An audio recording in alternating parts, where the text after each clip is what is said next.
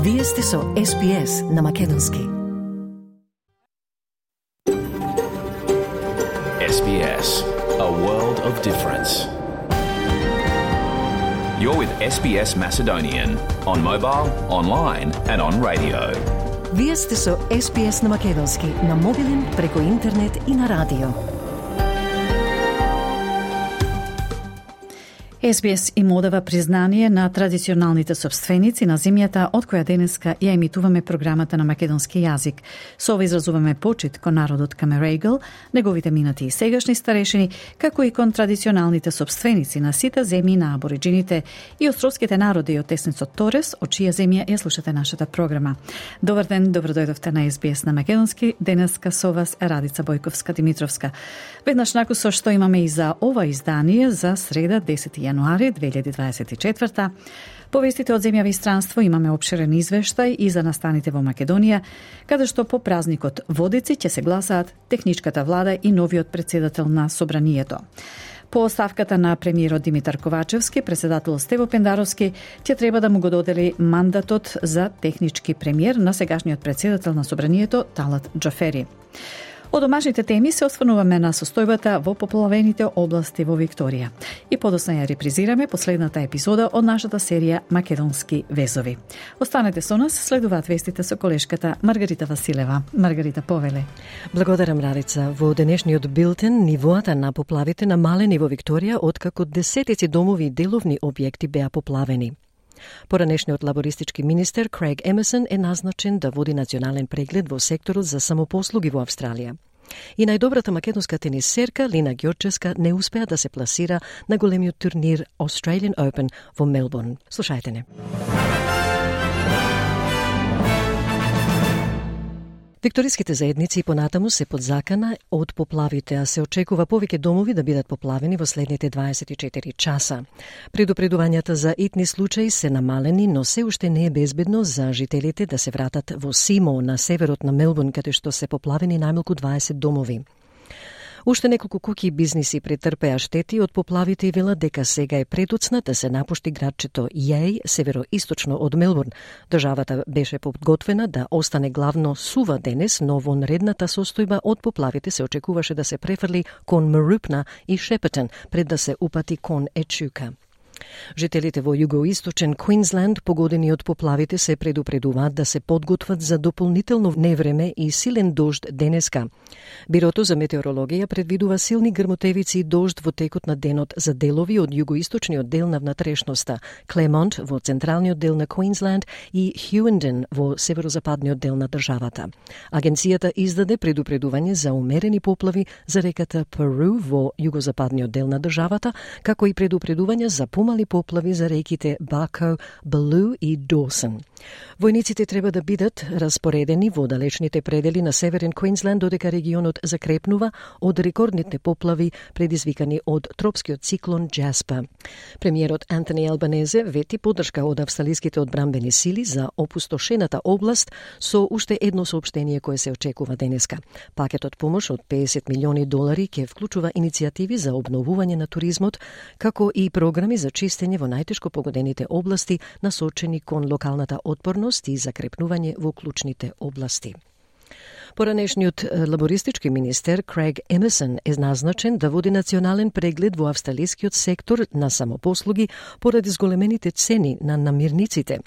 Прегледот ќе го испита односот што супермаркетите го имаат со добавувачите во услови на растечки прашања околу јазот помеѓу она што тие го плаќаат на добавувачите и она што клиентите треба да го платат. Препораките од овој преглед се очекуваат до средината на годината, а истрагата на Сенатот за цените до потрошувачите се очекува подоцна во годината. Премиерот Антони Албанезе вели дека супермаркетите имале должност да се погрежат да обезбедат достапни опции за сите австралици, особено кога заштедуваат на собствените трошоци.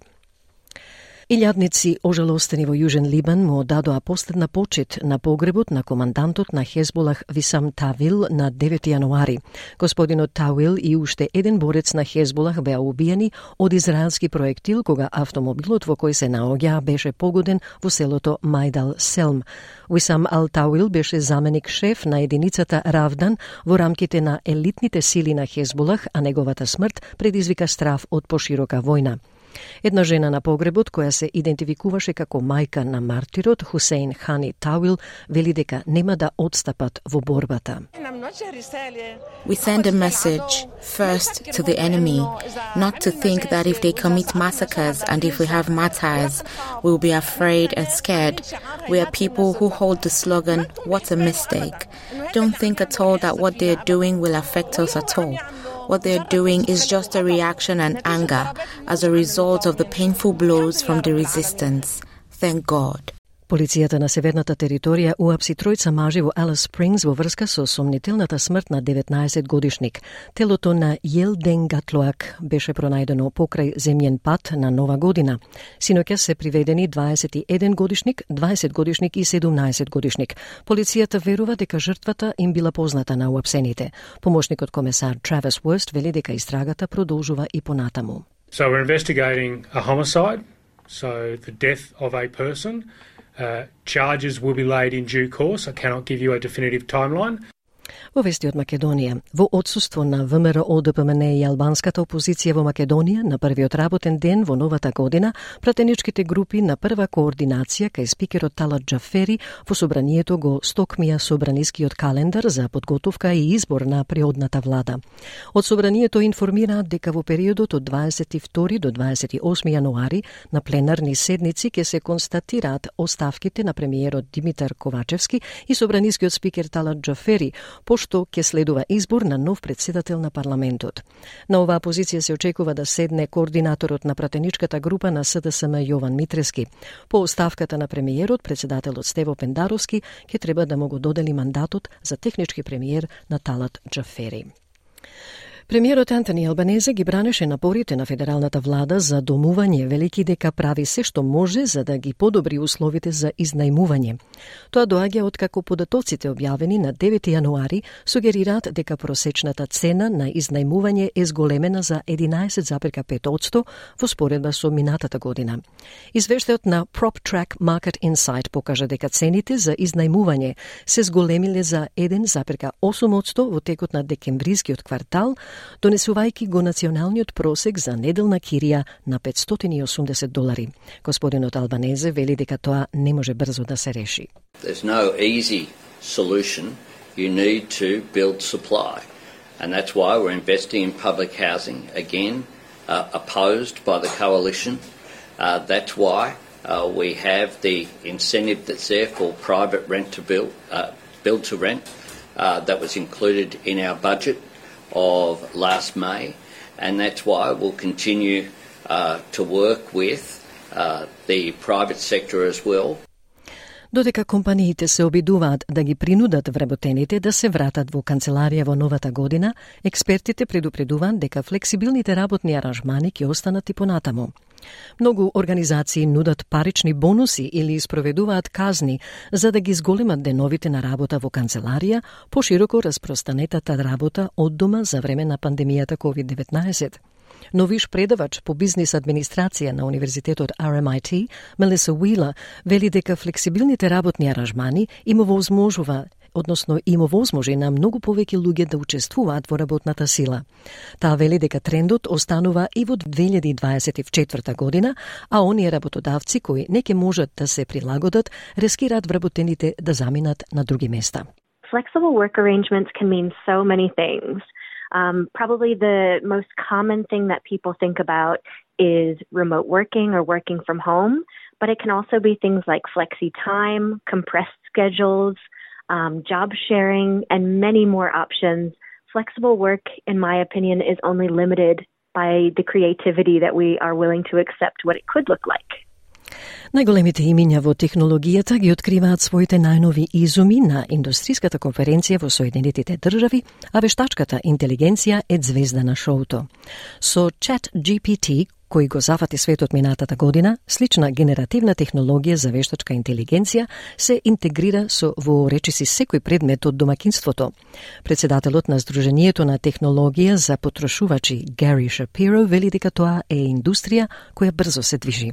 With generative AI in the last year since it's come about, there's a lot of very rapid developments, companies going into new areas. It's like the internet itself. It's, it's not just a technology, it's a fundamentally game setting changing technology.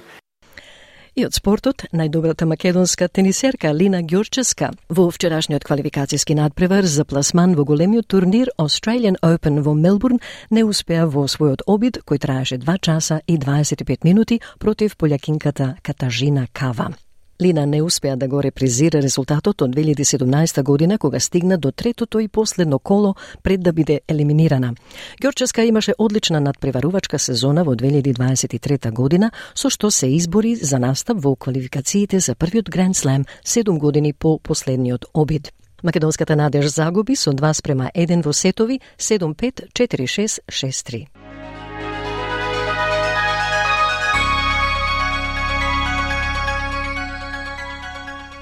И од најновата курсна листа денеска еден австралиски долар се менува за 0,61 евро, за 0,67 американски долари и за 37,38 македонски денари, додека еден американски долар се менува за 55,75 македонски денари, а еврото за 61,03 македонски денари.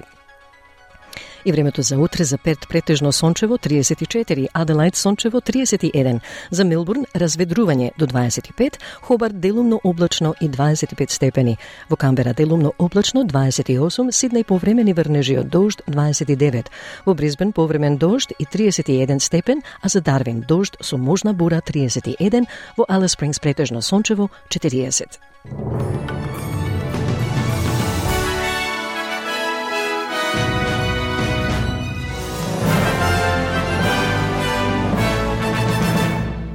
Тоа беа вестите на СБС на Македонски за 10 јануари. Благодарам Маргарита. Ке известиме и за најновите настани од Македонија, но пред тоа неколку куси промотивни пораки од СБС. Останете со нас. Ја следите програмата на СБС на Македонски, јас сум Радица Бојковска Димитровска.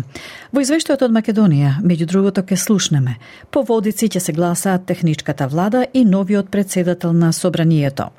Кривичниот суд денеска ќе одлучува по жалбата на обвинителството за неодредување мерки притвор на четворицата уапсени за упадот во просториите на македонската навигација на 4 јануари. И разрешени државните правобранители на подрачјата на Скопје и Струга. Подетално од нашиот известувач од Македонија, колегата Милче Јовановски. Во отсутство на ВМРО, ДПМН и албанската опозиција во Македонија, на првиот работен ден во новата година, пратеничките групи на првата координација кај спикерот Тала Джафери во Собранието го токмија Собранискиот календар за подготовка и избор на преонната влада. Особранијата информира дека во периодот од 22 до 28 јануари на пленарни седници ќе се констатираат оставките на премиерот Димитар Ковачевски и собранискиот спикер Тала Джафери, пошто ќе следува избор на нов председател на парламентот. Нова позиција се очекува да седне координаторот на пратеничката група на СДСМ Јован Митревски. По оставката на премиерот, председател Тево Пендаровски ќе треба да му го додели мандатот за технички премиер на Тала Джафери. Пова ќе следи избор на техничката влада, министри, заменици министри и дополнителни заменици министри. Во исто време ќе треба да се верифицира и мандатот на новиот пратеник од изборната единица 5, Муса Ибраими од Дуи, кој ќе го замени Джафери на пратеничкото столче. Седницата да пратенички прашања нема да има до крај нове мандат на собранието, информираат од кабинетот на Джафери. За сега останува неизвестен изборот на нов член на Државната изборна комисија во собранието. На координативната средба Поред информациите од медиумите, не се разговарало за оваа тема, која беше причина за бојкот на собранието од страна на пратениците Касами, Меджити и Гаши, поради застој на постапката за избор на нивниот кандидат за член на Државната изборна комисија Абдуш Демири. Опозицијската ВМРО ДПМН се уште анализира дали ќе ги повлече своите членови од Државната изборна комисија ако место не добие, албанската опозиција во Македонија, како што изјави лидерот Христијан Митковски. Највисокото раководство на партијата в четврток на Централен и извршен комитет ќе носи одлуки и ќе официализира кои кадри ќе ги делегира во техничката влада. Мицковски останува на ставот дека ВМРО ДПМН е треба да учествува, но да биде поддржана за гласање за пржинската влада, заради како што вели нелегитимноста на Тала Джафери. СДСМ пред нова година ги утврди кандидатите за министри и заменици министри во техничката влада. Единственото изненадување номинацијата на досегашниот шеф на кабинетот на Оливер Спасовски, Митко Бојмацалиев, за дополнителен министер во МВР. Понадамнешната најави од албанскиот опозицијски блок од Македонија дека на изборните листи ќе се најдат и поддржувачи на косовскиот премиер Албин Курти оземјава. Лидерот на Дуј Али Ахмети во интервју на албанскиот топ ченел со став Премиерот на Косово се меша во внатрешните политики на Македонија. Правејќи споредба со српскиот председател Вучич, Ахмети тврди дека интерес за ова прашање покажале и од меѓународната заедница. Цитирам: Курци се меша во политичката стена на албанците. Еди Рама, на пример, не се меша во натрешните работи на политиките во Македонија, туку направи напори да ги приближи партиите во Македонија. Благодарен сум за ваквиот пристап. Зошто Курци се жали кога Бучич има политичка активност во Косово? Како го објаснувате тоа? Ме оставија без борови, изјави Ахмети. Табор на Ахмети според опозицијските партии на албанците во Македонија е непринципиелен Лидерот на Алтернатива Африм Гаши за Канал 5 изјави дека во минатото дуи постојано имале поддршка и од Албанија и од Косово, а сега кога не се сите на нивна страна, тој смета дека Ахмети се плаши од изборен пораз. На СБС слушате вести од Македонија. Хекуран Асани е нов предлог на владата за председател на управниот одбор на давателот на водухопловни услуги МНАФ Од владата информира дека смениле првичната одлука од вчерашната седница со која до надзорниот одбор на МНАВ дадоа насоки нов председател на управниот одбор да биде Илир Мехмеди, затоа што не ги исполнувал условите за функцијата. Со предходната одлука владата му даде насоки на надзорниот одбор во македонската навигација да ги разреши председател на управниот одбор Фахрудин Хамиди и секторскиот извршен директор во МНАВ Љубе Таменковски. На местото на Стаменковски, според насоките од владата, ќе биде именуван Милан Корач. Третиот директор Хасим Деари не бил разрешен од владата, Неофицијално тој не бил задолжен за контролната кула, туку само за администрацијата во акционерското друштво. По одлуките од владината седница, струковиот синдикат на контролори на летање го стави мирување штрајко што го најави за денеска среда со целотно затворање на воздушниот собрекај на македонското небо. Мените во раководството на МНАВ, владата ги најави по инцидентот што се случи на четврти месецов, супад во оваа институција и напад на вработени, а предходно синдикатот реагираше за спроведувањето на последниот оглас за вработување во МНАФ од страна на раководството. Во МНАФ од вчера проверки врши и управата за финансиска полиција. За инцидентот на 4 јануари во МНАФ Основното јавно винител по Скопје отвори истражна постапка против 8 лица за кои постои основано сомнение дека како соизвршители сториле кривично дело за грозување на безбедноста на воздушниот собраќај поред член 303 став 2 во врска со член 22 од кривичниот законник. Основниот кривичен суд Скопје денеска ќе одлучува за жалбите на јавното обвинителство во врска со одлуката да не го прифати барањето за притвор за четворицата осомничени во врска со упадот во МНАВ. Како што информира од таму, жалбите се доставени до странките. Рокот за одговор е до денеска и откако ќе истече, Советот ќе заседава. Председателот Тево Пендаровски ги примил Александар Тасески, председател на струковиот синдикат на контролори на летање и Горан Гавровски, член на синдикалниот одбор. На средбата председателот Пендаровски ги поддржа заложбите на синдикатот за одржување на професионално ниво во функционирањето на МНАФ АД Скопје, кое што е дел од критичната инфраструктура во државата. Во насока председател Пендаровски уште еднаш го осуди насилничкото однесување во МНАФ од страна на вработените во таа институција и други лица кои неовластено влегле во нивните простории и повика на расчистување на случувањата во најкус може рок, имајќи предвид дека станува збор за потенцијално загрозување на безбедноста во меѓународниот авионски сообраќај. Истовремено председател Пендаровски го реафирмираше ставот дека ничи личен или политички интерес не може да биде над правниот поредок и непреченото функционирање на институциите, се вели во сообщението од кабинетот на председателот. Реакциите на опозицијата за случувањата во македонската навигација не престануваат, бараат одговорност на преснам Тулковски ВМРО ДПМН изјави. Законот е јасен и прецизен. Ова не е кошкање меѓу колеги, ова е загрозување на безбедноста на воздушниот сообраќај, квалификација која што постои во законот. Бараме лажниот Европски фронт да ги тргне рацете од правосудството. Случајот мора да има вистинска завршница. Ако не сега, тогаш ќе ја има по изборите. Делегацијата на Европската Унија во земјава со загриженост ги следи случувањето во врска со националниот давател на услуги за воздушна навигација МНАВ. Оттаму да соопштија дека императив е именувањата во националниот давател на услуги за воздухопловна навигација и поврзаните услуги исто како што треба да важи и за другите институции да се заснова на заслуги, квалификации и искуство. Отаму очекува државните власти брзо да ги истражат на волите за кронизам во обработувањата во овие служби. Исто така од делегацијата на ЕУ очекува државните власти да ги истражат несоодветните надворешни влијанија, како и насилството врз персоналот што работи во МНАВ. На предлог на државниот преобранител, односно Министерството за правда на седница на владата, е донесена одлука за разрешување на државните преобранители во подрачјата на Струга и Скопје поради нестручно и несовесно вршење на функцијата.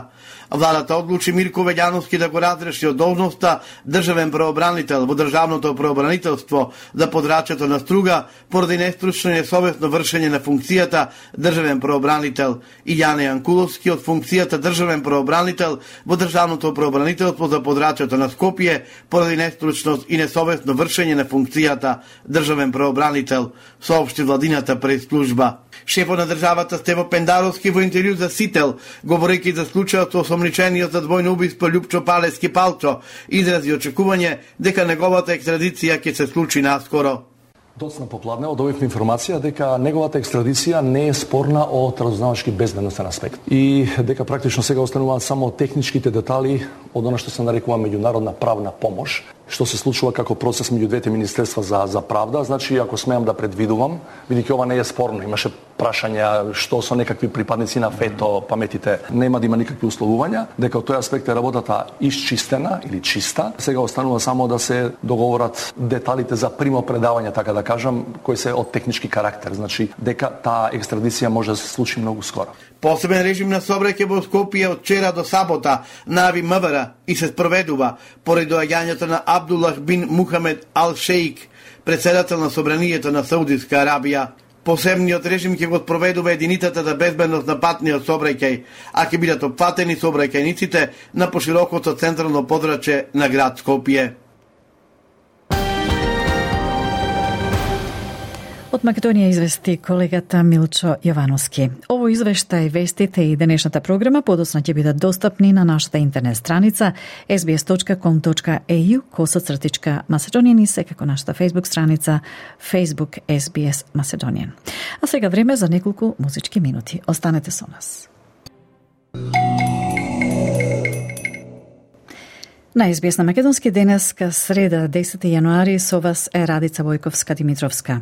Жителите во Рочестер во северниот дел на Викторија наскоро ќе откријат целата штета од поплавите. Нивото на водата го достигна својот врв во градот по еден ден откако луѓето беа евакуирани од градовите Сеймер и Е во централниот дел на државата. Некои жители на Викторија велат дека никогаш не виделе време слично како што туку доживеаното, со речиси 60 милилитри дожд за само час и половина. We had about 60 mil in about an hour, an hour and a half that just come down. I've never seen rain like it. Поплавите го достигнаа својот врв во градот, градот Рочестер, каде на жителите им беше кажано да се засолнат што е можно на повисоко место и да се погрижат да имаат доволно храна, вода за пиење и лекови. Шефот на Државната служба за етни случаи на Викторија, Тим Уибуш, вели дека не очекуваат целиот град да биде поплавен, но постои опасност за околу 35 имоти. We're looking at a flood peak of around 114.8 metres. The fortunate part about that is it's about a metre less than what we saw in the 2022 floods. So we're not expecting to see the, the whole town being flooded uh, in this event. Um, but there is the potential for up to 35 properties to see water above floor as we reach that peak this morning through Rochester. Други 200 имоти во градот се во опасност да бидат обкружени со вода, додека во Сеймер во опасност да бидат поплавени се речиси 50 домови. Жителите се предупредени дека може да останат без струја, вода, канализација и телефонски услуги, а змии, пајаци и стаорци може да се обидат да најдат засолниште во нивните домови. Во Викторија се формирани центри за евакуација во областите што ги вклучуваат Сеймур, Ие, Бендиго, Ечука и Рочестер. Заедницата на Рочестер беше уништена од поплави во октомври 2022 година, што предизвикува загриженост за понатамошна штета во регионот, што се уште се опоравува. Премиерката на Викторија, Джасинта Алан, вели дека се работи напорно преку Emergency Recovery Victoria за подршка на поединците со посебна насочена подршка, а потоа и поширока подршка за заедниците. I can accept and understand that for particular um, households and particular communities when you've gone through the loss of a property. Like that is really a really, really deeply personal and difficult experience to go through. And that is why we are working incredibly hard through Emergency Recovery Victoria to uh, support both individuals with particular targeted support and then broader community supports. Поројните дождови изненадија многумина со оглед на тоа што во текот на летото имаше предупредувања за услови Ел Нино, кои предвидуваа суша и потенцијал за шумски пожари. Кристи Джонсон од Бирото за метеорологија вели дека Ел Ниньо имал силно најсилно влијание во Викторија во пролетта, што доведе до најсувиот септември досега. Но дека сега условите се променети со дождови и ветришта што доаѓаат од исток. El Nino actually in Victoria has its strongest impact um, in spring, and we did actually see our driest September on record. So it did uh, have, give us a dry, um, certainly part of spring. But as we move into summer, the impact of El Nino declines, and we find other climate drivers have more of an impact. So at the moment, the weather that we're seeing is mostly being driven by what's called the southern annular mode, and that is actually giving us easterly winds across Victoria Господица Джонсон вели дека времето најверојатно нема да биде толку лошо во текот на остатокот од летото, но дека сепак се очекуваат бури со обилни дождови, но не во тој обем како во последните 48 часа. Премиерот Антони Албанезе вчера 9 јануари објави пакет за подршка од 50 милиони долари за луѓето погодени од неодамнешните екстремни временски услови во Квинсленд и рече дека ќе отпатува во Викторија за подобро да ја разбере ситуацијата на теренот. Тој вели дека интензитетот на временските настани е резултат на климатските промени. Сето ова, вели тој, е подсетник дека науката ни кажа дека климатските промени ќе значат поекстремни временски настани и дека тие ќе бидат поинтензивни. Гледаме за жал дека тоа се случува со бројни настани со кои што мораме да се справиме овде, ширум Австралија. All of this is a reminder that the science told us uh, that climate change would mean there would be more extreme weather events and they would be more intense. And unfortunately, we are seeing that play out uh, with the number of events that we're having to deal with uh, right around Australia. Тоа беше прилог на SBS News од Адриана Уейнсток. А сега на уште една актуелна тема за која што се дискутира многу редко. Во списанието Neurology објавена е студија за трагедијата на ненадејните необјаснети смртни случаи во детството или sudden unexplained deaths in childhood – Истражувачите веруваат дека барем некои од тие смртни случаи може да се поврзани со напад, односно излив на неконтролирана електрична активност помеѓу мозочните клетки, што предизвикува привремени абнормалности во мускулниот тонус. Повеќе за детали за оваа болест во прилогот на Есам Алгалиб за SBS News, што на македонски го подготви колешката Маргарита Василева. SBS. SBS. SBS. SBS. SBS. SBS. SBS Radio.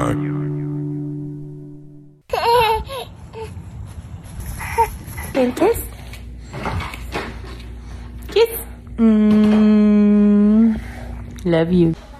Последното легнување во животот на 17-месечниот Хейден Фел било многу нормално. На видеото од креветчето се гледа како малото дете во пижами си игра срекно, додека неговите родители и сестра пеат песничка со неговиот брат близнак.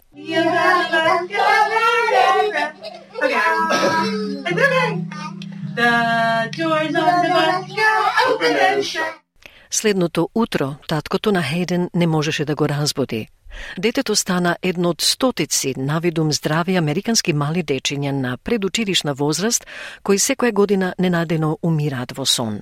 Камерата на креветчето на Хейден снимаше цела ноќ, а снимката нуди податоци за можната причина за смртта на Хейден. Тој претрпел напад – сижа, напад во смисла на излив на неконтролирана електрична активност помеѓу мозочните клетки, што предизвикува привремени абнормалности во мускулниот тонус или движења, како вкочанетост или грчеви. Доктор Орин Девински, невролог од Нью Йорк, вели дека многу малку се знае за ненадејната необјаснета детска смрт.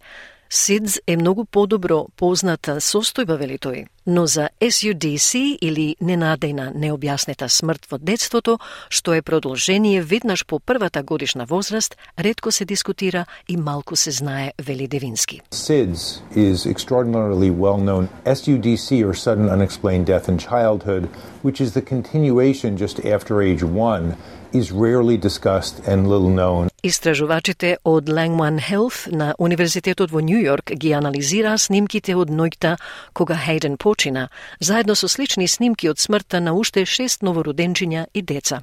Тие ги објавија своите науди во списанието Neurology. Доктор Девински, кој е виш автор на студијата, вели, наликува како да сте детектив кој се обидува да реши кривично дело и сега има видео од сторителот. It's a little bit like you're a detective trying to solve a crime. And now you've got a video of the perpetrator potentially. Неврологот вели откриле дека нападите за време на спиењето се потенцијална причина за барем некој случај. Според Девински, фебрилен напад е напад кој може да биде голем грч или помал, но тие се ограничени на болест, обично со треска и кај деца, тенденцијата треба да биде надрасната и тие се бенигни. Нема долгорочни последици од овие напади. И тоа е случајот за повеќето случаи, но за жал не и за сите изјави Девински. A febrile seizure is a seizure event which can be a major convulsion or they can be more minor, but they are limited to in illness, typically with fever, and in children the tendency should be outgrown and they're benign. You know, there's no long-term consequences of having these seizures. Uh, and that's true for the vast majority of cases, but unfortunately it's not true for all of them. Снимките не можат да докажат дека треските ги активирале нападите, но истражувачите забележале дека неколку мали деца имале знаци на благи инфекции.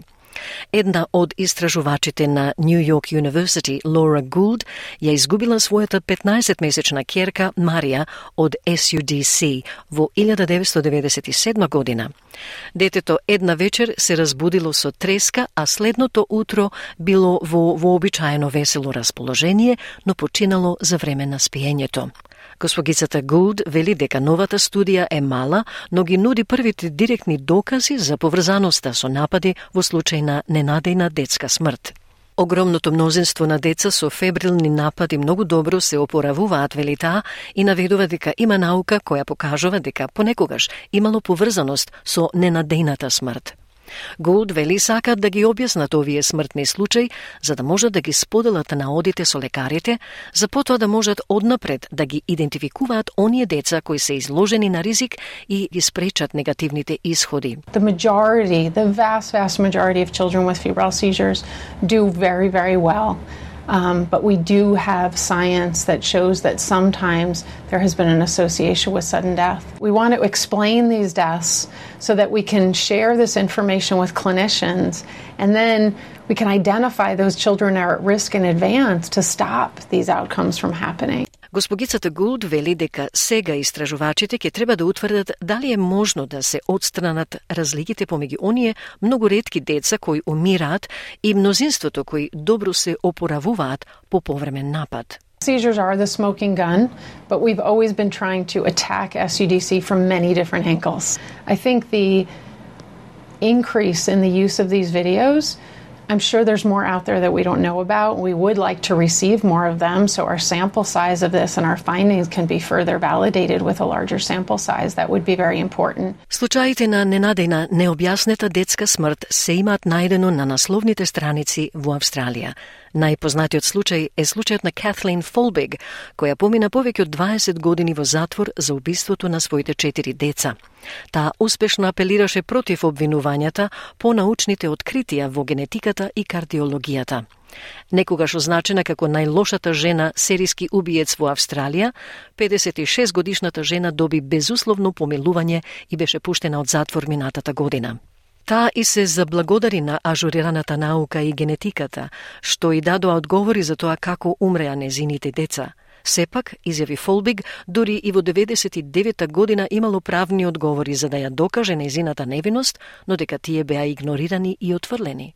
Катлин Фолбиг изјави дека системот предпочиташе да ја обвини наместо да прифати дека понекогаш децата можат да умрат ненадејно, неочекувано и срцепарателно. I am grateful that updated science and genetics has given me answers as to how my children died.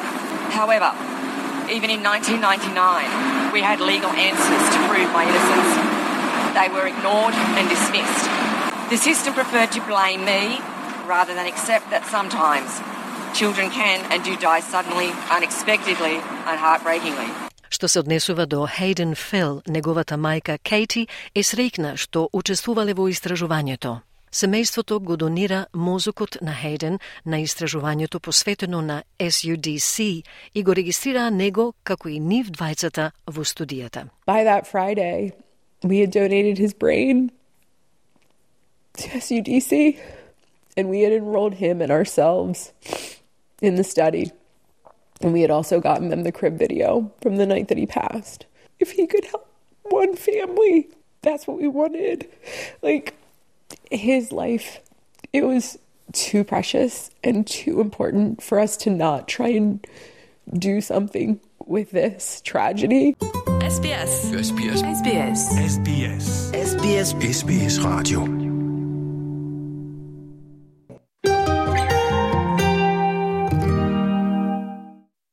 На СБС на Македонски денеска со вас е Радица Бојковска Димитровска.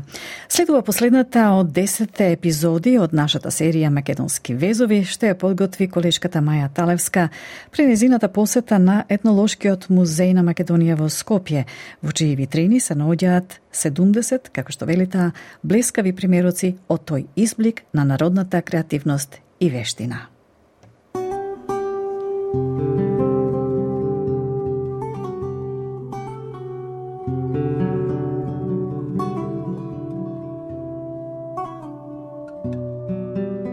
Македонските народни носи се единствени и уникатни во светот по својот богат вес. Исто така, препознатливите елементи, степелакот, пафтите, коцелот, како и бојата, се присутни во облеката на сите етнички македонци, без разлика во кој географски регион живееле тие.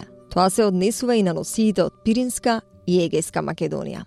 Кои се карактеристиките на традиционалната облека на македонците од горноџумајско, драмско, разловечко, Ениџевардарско, Леринско, Воденско и Костурско, објаснува етнологот магистер Наде Костадиновска Спасеновска од Музеот на Македонија во Скопје. Радовишко го видовме, меѓутоа ова е Радовишки јуруклук, односно така, каде што живеа турско турско население кои до ден денес јуруците, да, јуруците го зачуваат. Да, зачуваат. Тоа кај овдека малку поедноставна за разлика нели од тие што ги имаат пошарено ликост на, да. на, на боите. Меѓутоа добро, ова е ткајана денеска нели ги носат а, а, од платна шарените нијанси на облеката.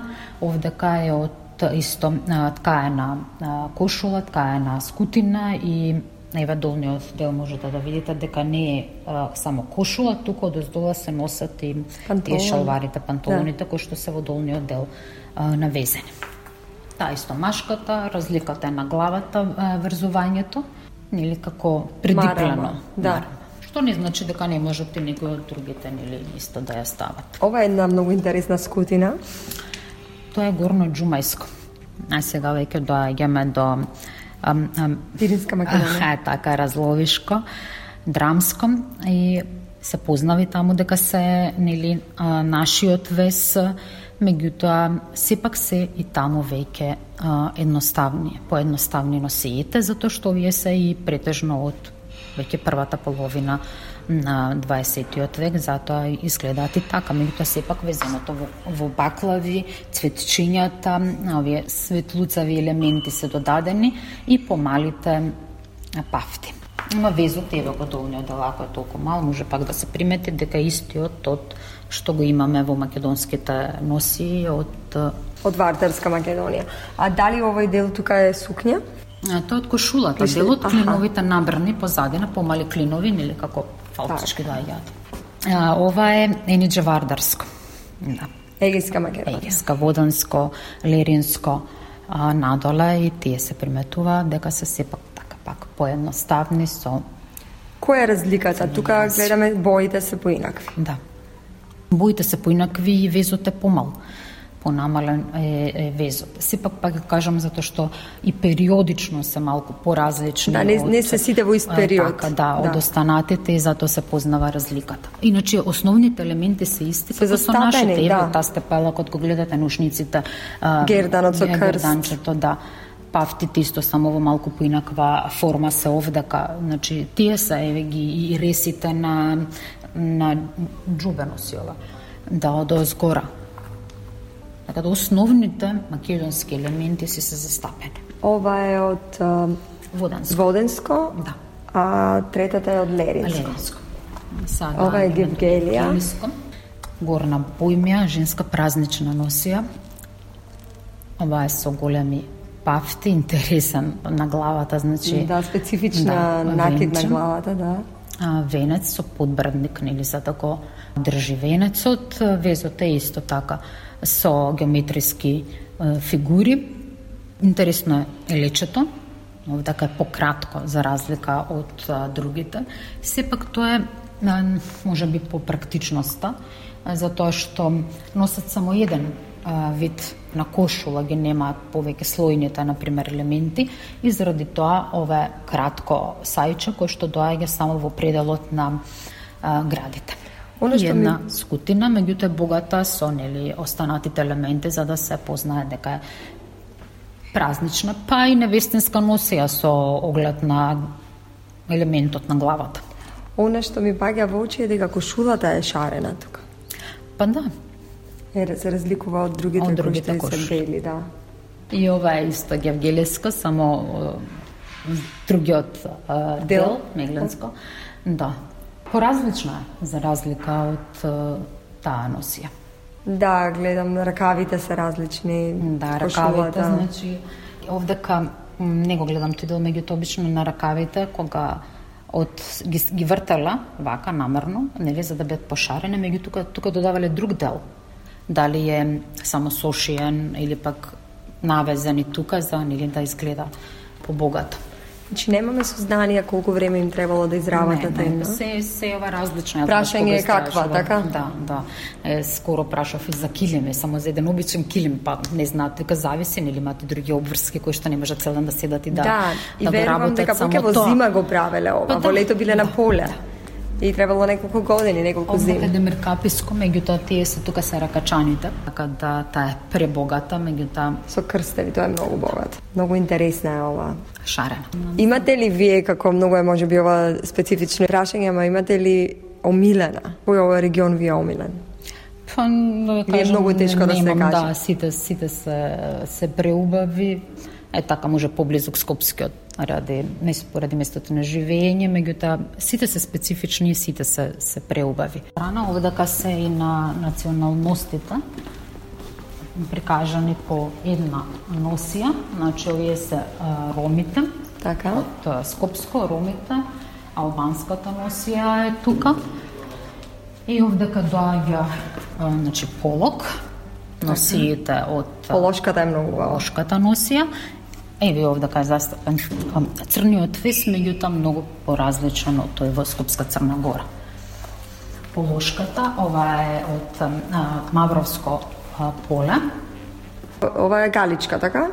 А мијаци, мислам, мијачка нега. Мијачката таму побаво ќе ја видиме, кај свадбата. Ова се многу раскошни. Таму е прикажана со целото, ова е да. Ова е изгледа многу раскошно самиот Тетовска. А македонска е? Македонска, да. Македонска носи ова. Само што има е, исто тука ле, леденик на глава на на градите и е, таа степела ка горе, а паричките се спуштаат во редови од горниот дел од главата. Значи прво се, се ставаат тие, се врзуваат во долниот дел, под, под главата кај вратот и од озгора се става таа степела, ќе мараме од другата страна, еве ги историските како вид на коцел, меѓутоа дека се во различни нијанси од волна исто така направени. Ете што се убави чорапите, на пример. Да. во цветови. И, косата исто така, чешлањето на косата било различно за девојче, за невеста, значи после тоа Што била разликата? Така- Разли... Предходно биле две плетенчиња, па потоа кога станува невеста, значи пред да стане во моменство носела две плетенки, значи тоа покажувало дека е слободна жена подоцна, кога за време на свадбата нели во зрелото доба носи една една плетенка. Во плетенката на време на свадбата се закачува тој што го викаме коцалче, меѓутоа овде е во помали ете ги плетенчиња што може да биде од природна коса. Најверојатно ова е природна коса со сплетени мали плетенчиња, на него се додаваат парички и монистр. Марама да изгледа многу прекрасна. Да. Тука, како ако е едноставна, меѓутоа нежна, да, и прекрасна а, марама. Сите имат исто така своја символика и начин на на кривање за време на свадбата, подигнување на тој таму што го видовме сока од долгиот убрусот, празнична носија, обредна носија за за водици која што се, нечи водици се одржуваат за Свети Јован водокрст, вториот ден од, води, од водици се женски водици, каде што сите на девојки кои што моми стасани за мажење, се облекуваат празнично и одат по селата и пеат водичарски песни, односно на секого во домакинството му посакуваат добро берикет, зависи ако нема невеста да добијат, ако нема деца да добијат за добитокот и така натак.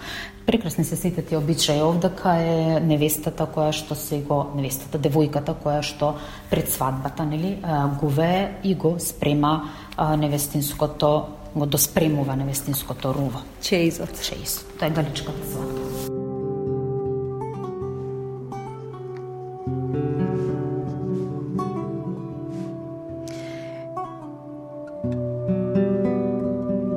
Ете тоа беше десетата и последна репризна епизода од нашата серија Македонски везови, што ја подготви колешката Маја Талевска. Сите епизоди, да подсетам, може да ги најдете на нашата интернет страница sbs.com.au коса цртичка Macedonian. Се ближиме кон крај на денешново издание на SBS на Македонски да подсетиме на некои од вестите на денот.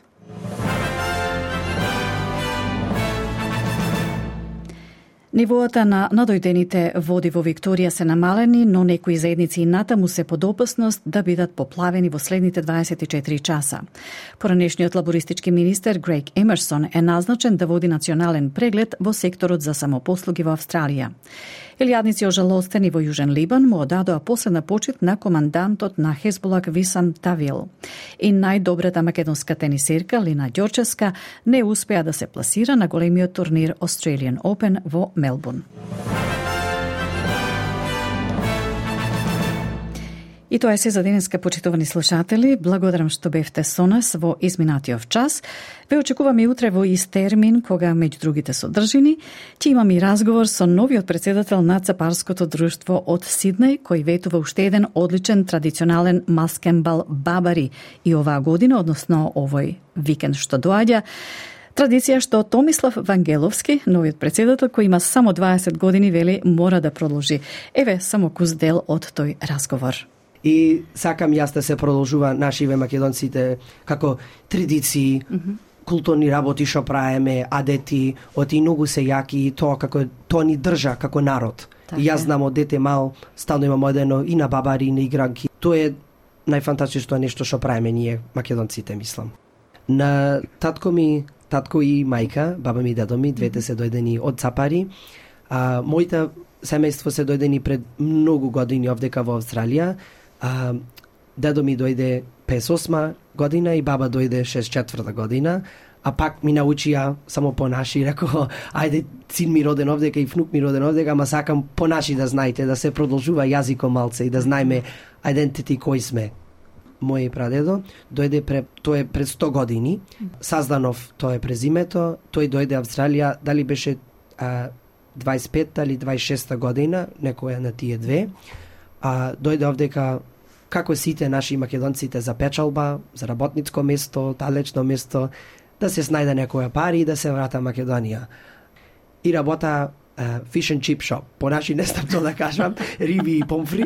така, така риби и компирчиња, пржени риби и компирчиња. Во Волонгонг остана и сите на дедо ми брат имаше дуќан, прадедо ми имаше дуќан и дедо ми мој имаше дуќан. Сите беа во Вулонгонг да го речиш тие имијата, сите ги знаат. Тие се како royal family за сите за fish and chips. А, и ни покаже и ние, како мојата фамилија ни покаже баба и дедо, шо е работа Томислав Вангеловски, новиот председател на Цепарското друштво од Сиднеј, повеќе од овој инспиративен 20 годишен млад човек во емисијата утре. Со вас денеска беше Радица Бојковска Димитровска, пријатно попладне. Стиснете, ми се допаѓа, споделете, коментирајте. Следете ја SPS на Македонски на Facebook.